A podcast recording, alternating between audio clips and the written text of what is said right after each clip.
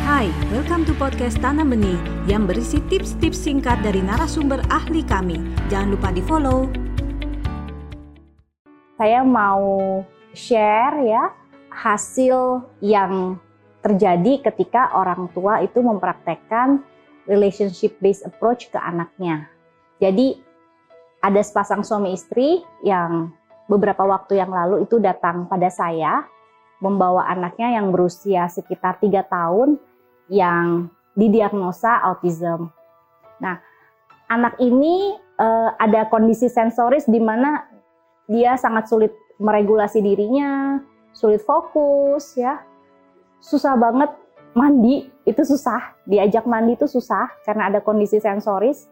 Kemudian saat datang pada saya, anaknya memang nggak bisa diem gitu ya dan seperti restless, kayak nggak tenang gitu anaknya. Nah, pelan-pelan orang tua kemudian mempraktekkan relationship based approach ini. Jadi mereka belajar slow down, mereka belajar menyediakan waktu khusus untuk connect dengan anak.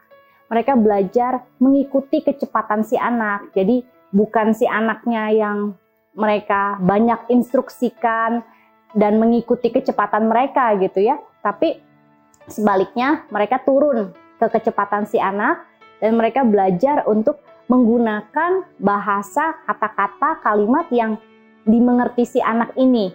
Jadi betul-betul dia turun ke level si anak ini. Nah, kemudian mereka juga belajar kalau anak ini punya kondisi-kondisi sensoris yang khusus ya. Misalnya dia ini susah mandi, ternyata karena dia nggak bisa langsung dijebur air gitu walaupun airnya udah anget tapi dia butuh air itu kayak dipeper-peperin dulu atau dia cobain dulu airnya angetnya gimana gitu. Baru pelan-pelan dia akan bisa gitu. Nah hal-hal ini ketika orang tuanya belum mempraktekkan relationship based approach ini nggak nggak terlalu dilihat gitu. Karena mereka fokusnya maunya perilaku anaknya langsung gitu loh. Kayak ayo mandi ayo duduk diem ayo fokus gitu. Jadi sangat berfokus ke perilaku luar gitu nah tapi ketika mereka mulai mempraktekkan pendekatan berbasis koneksi hati ini kedekatan hati ini kedekatan emosi ini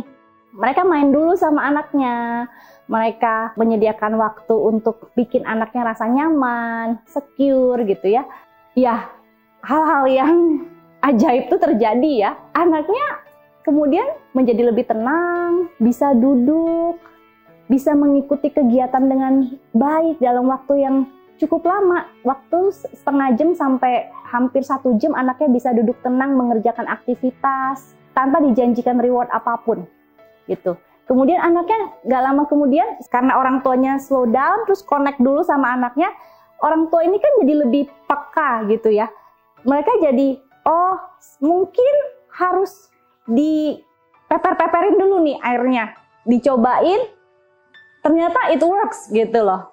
Nah, jadi di sini saya melihat bahwa relationship based approach itu sangat signifikan ya pengaruhnya. At the end perilaku anak itu akan jadi lebih positif. Tapi bukan fokus utamanya tuh perilakunya dulu, tapi relationship-nya dulu.